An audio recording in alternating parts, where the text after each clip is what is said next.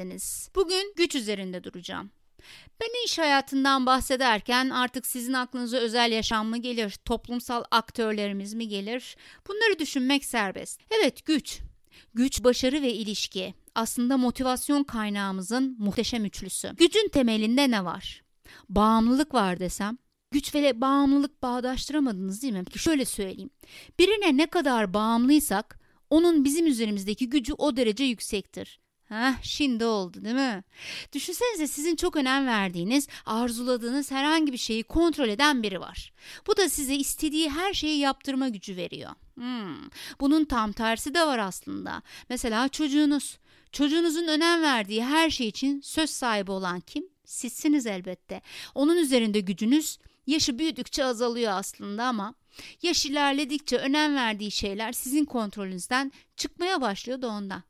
Ben birine ne kadar bağımlıysam o kişinin benim üzerimdeki gücü o derece fazla. Tamam, bunu söyledik. Yalnız gücü etkileyen bir başka konu daha var. Bu da kaynağın kıt olması ya da yerine bir başka kaynağın konabilmesi. Yani ikamesinin olması. Şöyle açıklayayım. Herhangi bir kaynağın bol olması kaynağa sahip kişileri güçlü kılmaz. Mesela herkes zengin olsaydı öyle bir dünya düşünün. O zaman zenginlik bir güç kaynağı olur muydu sizce? Hayır değil mi? Bunun gibi bir kaynağın yerine bir başka kaynak koyma konusu da gene gücü temsil ediyor.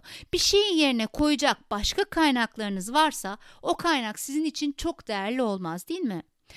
Ee, bunun gibi ne olabilir? Mesela gücün etki alanı önemli. Yani sizin için şu anda kimler güçlü bir düşünelim. Bu kişiler hangi konuda güce sahipler? Güçleriyle kimleri etkiliyorlar? Ve bu kişileri nasıl etkiliyorlar? İşte bu sorular önemli. Yani baktığımızda güç ilişkisel bir kavram. Tek kişi kendi kendine gücünü ilan edemez değil mi? Düşünsenize şirketin ortasında biri gelip I got the power diye bağırsa. Anında derdest eder psikiyatristin karşısına oturtu veririz. Yani bu durum sizin aklınıza bir kimleri getirdi bilemiyorum ama neyse. şey e, ben tamam konumuza dönüyorum. Siz isterseniz oradan devam edebilirsiniz. Ben çok tehlikeli olmayan sularda yüzmeyeyim güç, etkileme ve yetki kavramları ile yakından ilişkili. Yani bir güce sahipsem ben bu gücümü kullanacağım kişiyi etkilemem gerekiyor. Aynı zamanda o gücü kullanabilmem için de yetkim olmalı. Yani devreye ne giriyor? Yetki kavramı.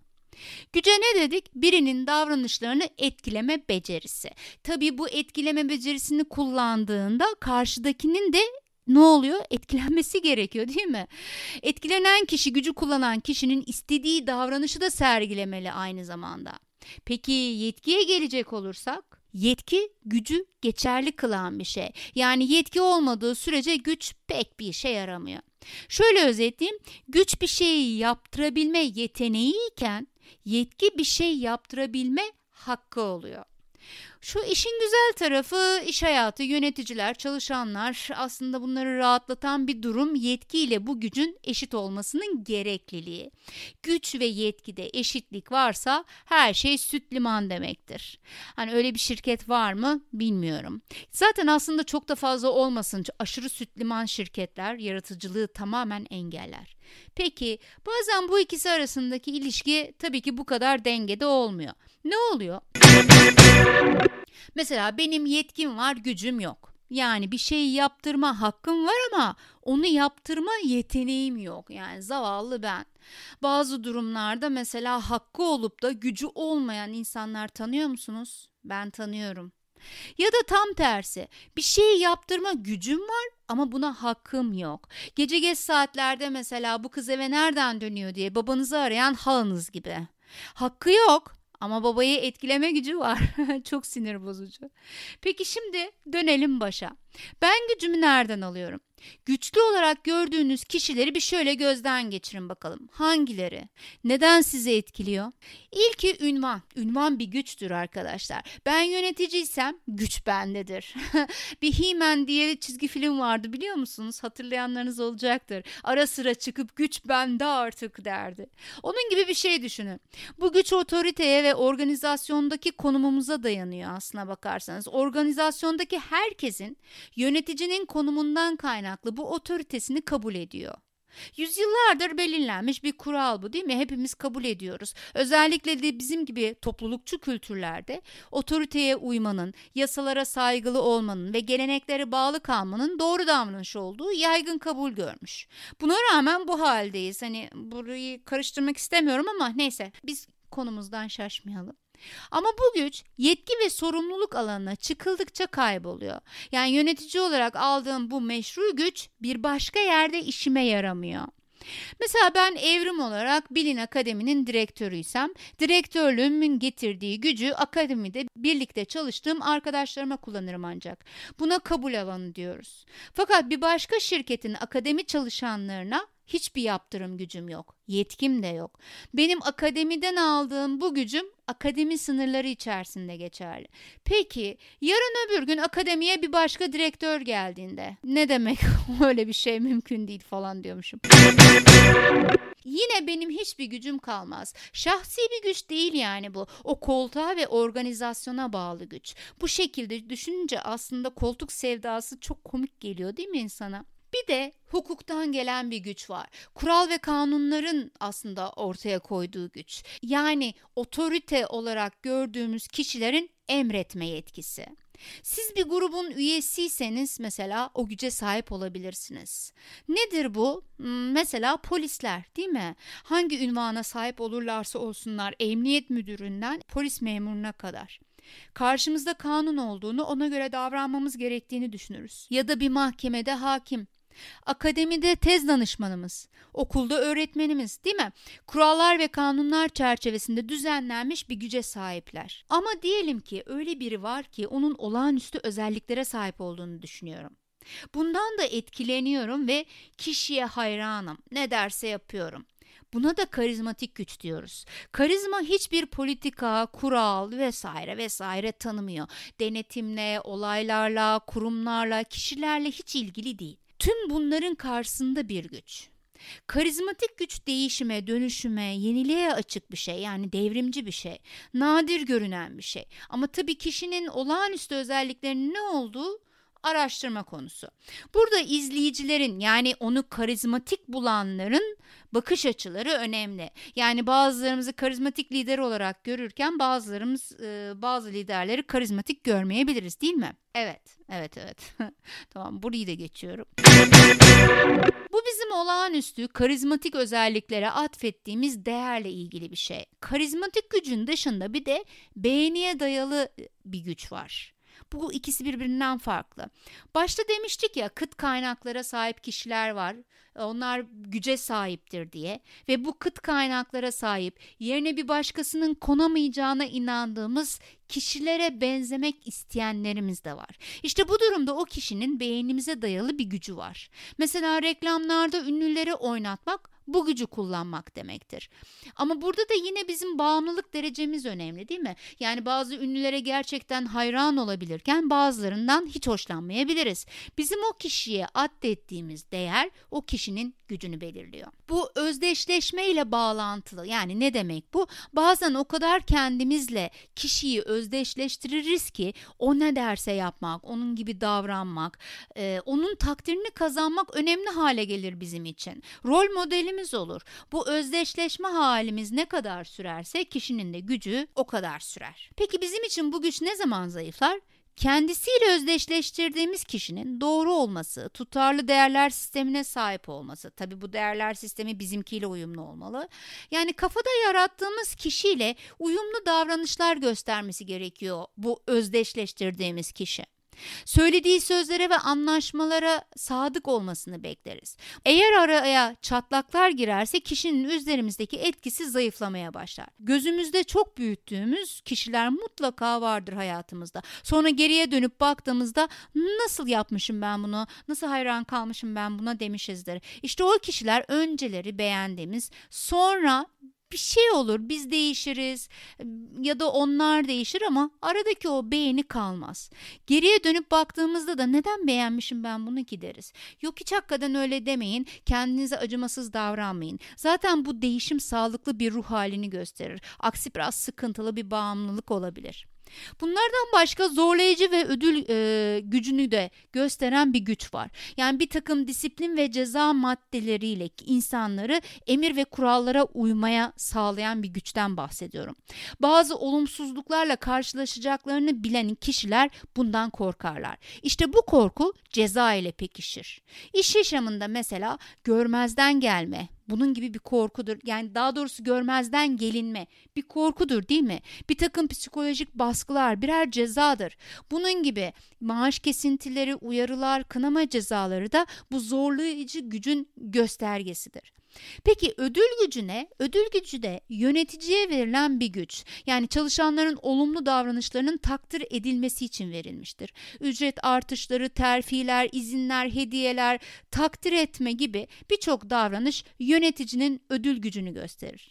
Bir başka güç uzmanlığa dayalı güçtür. Yani bilgi ve beceriler konusunda elde edilen güç. Mesela doktorlar, avukatlar, danışmanlar değil mi? Birçok uzmanlık gerektiren konuda güçlülerdir. Tabi bu güç çözülmesi gereken sorun büyüdükçe daha da artar. Sorun ne kadar karmaşıklaşırsa uzmanlık gücü o kadar artacaktır. Değeri de o kadar artacaktır.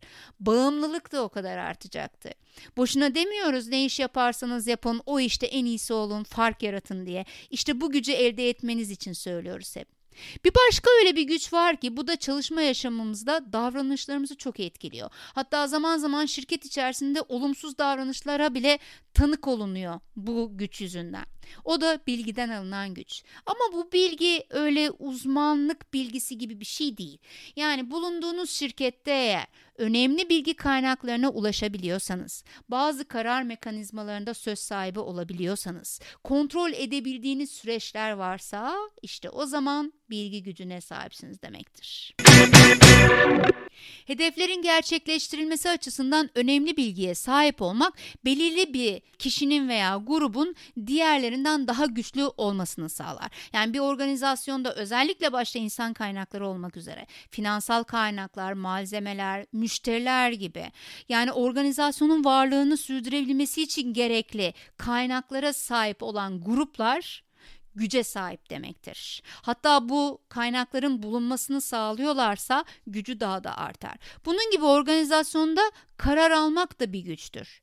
Her zaman üst düzeyler tarafından karar alınmaz. O nedenle güç burada farklılaşabilir gücün yönü. Organizasyonda alınan kararlar ne kadar hayati ise ama güç o kadar artar. Bazı yöneticiler asları ile bilgi paylaşmayarak güç e, makasını açmaya çalışırlar. Tek başına ne kadar bilgiye sahip olursa o kadar güçlü yönetici olacağı inancını taşırlar. Bizi de en yoran yönetici tipidir değil mi insan kaynaklarında çalışan arkadaşlarım ne dersiniz? Üst yönetimden aslara ve aslardan üst yönetime bilgi akışı bu yöneticilerde kesilir ve siz yönetim olarak öndeki lokomotifte güzel güzel gittiğinizi sanarken vagonlardan birini kaybetmişsinizdir de haberiniz yoktur. İşin kötüsü o vagona bağlı giden diğer vagonları da kaybediyorsunuz. Ancak bir dönemeci dönerken falan geriye baktığınızda görüyorsunuz ama iş işten geçmiş oluyor değil mi? İşte bir yöneticide eğer uzmanlık gücü, beğeniye dayalı güç, varsa çalışanların performansları ve iş tatminleri o oranda artar. Yöneticinin bu uzmanlığı ve beğeniye dayalı gücü fazla. Yetkiyi de vermişsiniz, meşru gücü de var. Bir de bunun üstüne eser miktarda zorlayıcı güç ve ödül gücü de ilave ettiğinizde işte size tam bir himen. Gölgelerin gücü adına diyoruz yani güç sizdedir artık. O yöneticinin çalışanlarının organizasyona bağlılığı, iş tatminleri, performanslarının keyfine diyecek yoktur.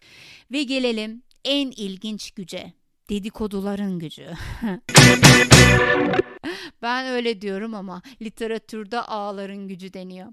Yani ilişki ağları ve güç ilişkisi. Organizasyonun içindeki haber akışı yapılan işler kadar önemli. Bunu hepimiz biliyoruz.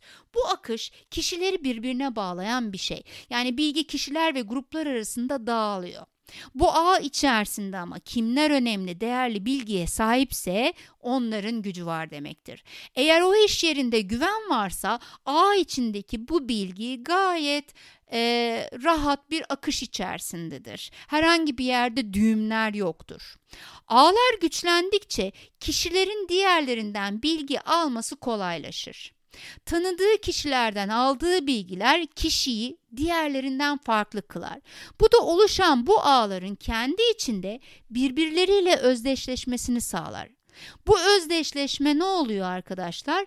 Bu aha içindeki kişilerin birbirini beğenmesi ve bu beğeniye dayalı gücün daha da artmasını sağlıyor.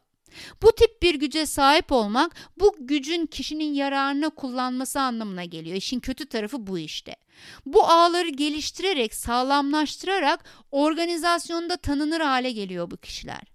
Yetenekleri diğerlerinden daha kolay görülmeye başlıyor. Bu da kişinin gücünü daha da arttırıyor. Mesela organizasyonda üst yönetime daha yakın olduğu düşünülen yöneticiler çalışanların sorunlarını daha kolay çözebiliyor. En azından böyle düşünülüyor. Bu da o kişiye daha yüksek düzeyde güven duyulmasını sağlıyor. İşte bu gücün olumsuz iş davranışlarını ortaya çıkaran güç olduğunu söyleyebilirim. Çünkü kişilerle bağ kurmak, kendi ilişki ağını oluşturmak diğer güçlere karşı daha kolay oluşan bir güç. Bazılarımız dedikodu ile bu bilgiyi toplamak gibi yanlış yollardan gitsek de kişilerin en çok peşinde koştuğu, insan kaynaklarının en çok uğraştığı güç olarak karşımıza çıkıyor. Evet arkadaşlar bugün güçle ilgili konuştuk. Bilmiyorum sizin şirketinizde çalıştığınız çevrede, toplumda, e, ailenizde bu güçlerden hangileri var, hangilerinden etkileniyorsunuz? Umarım size birazcık ışık yakmıştır. Bir sonraki podcast yayınımda görüşmek üzere. Beni takip etmeyi unutmayın. Görüşmek üzere. İyi akşamlar.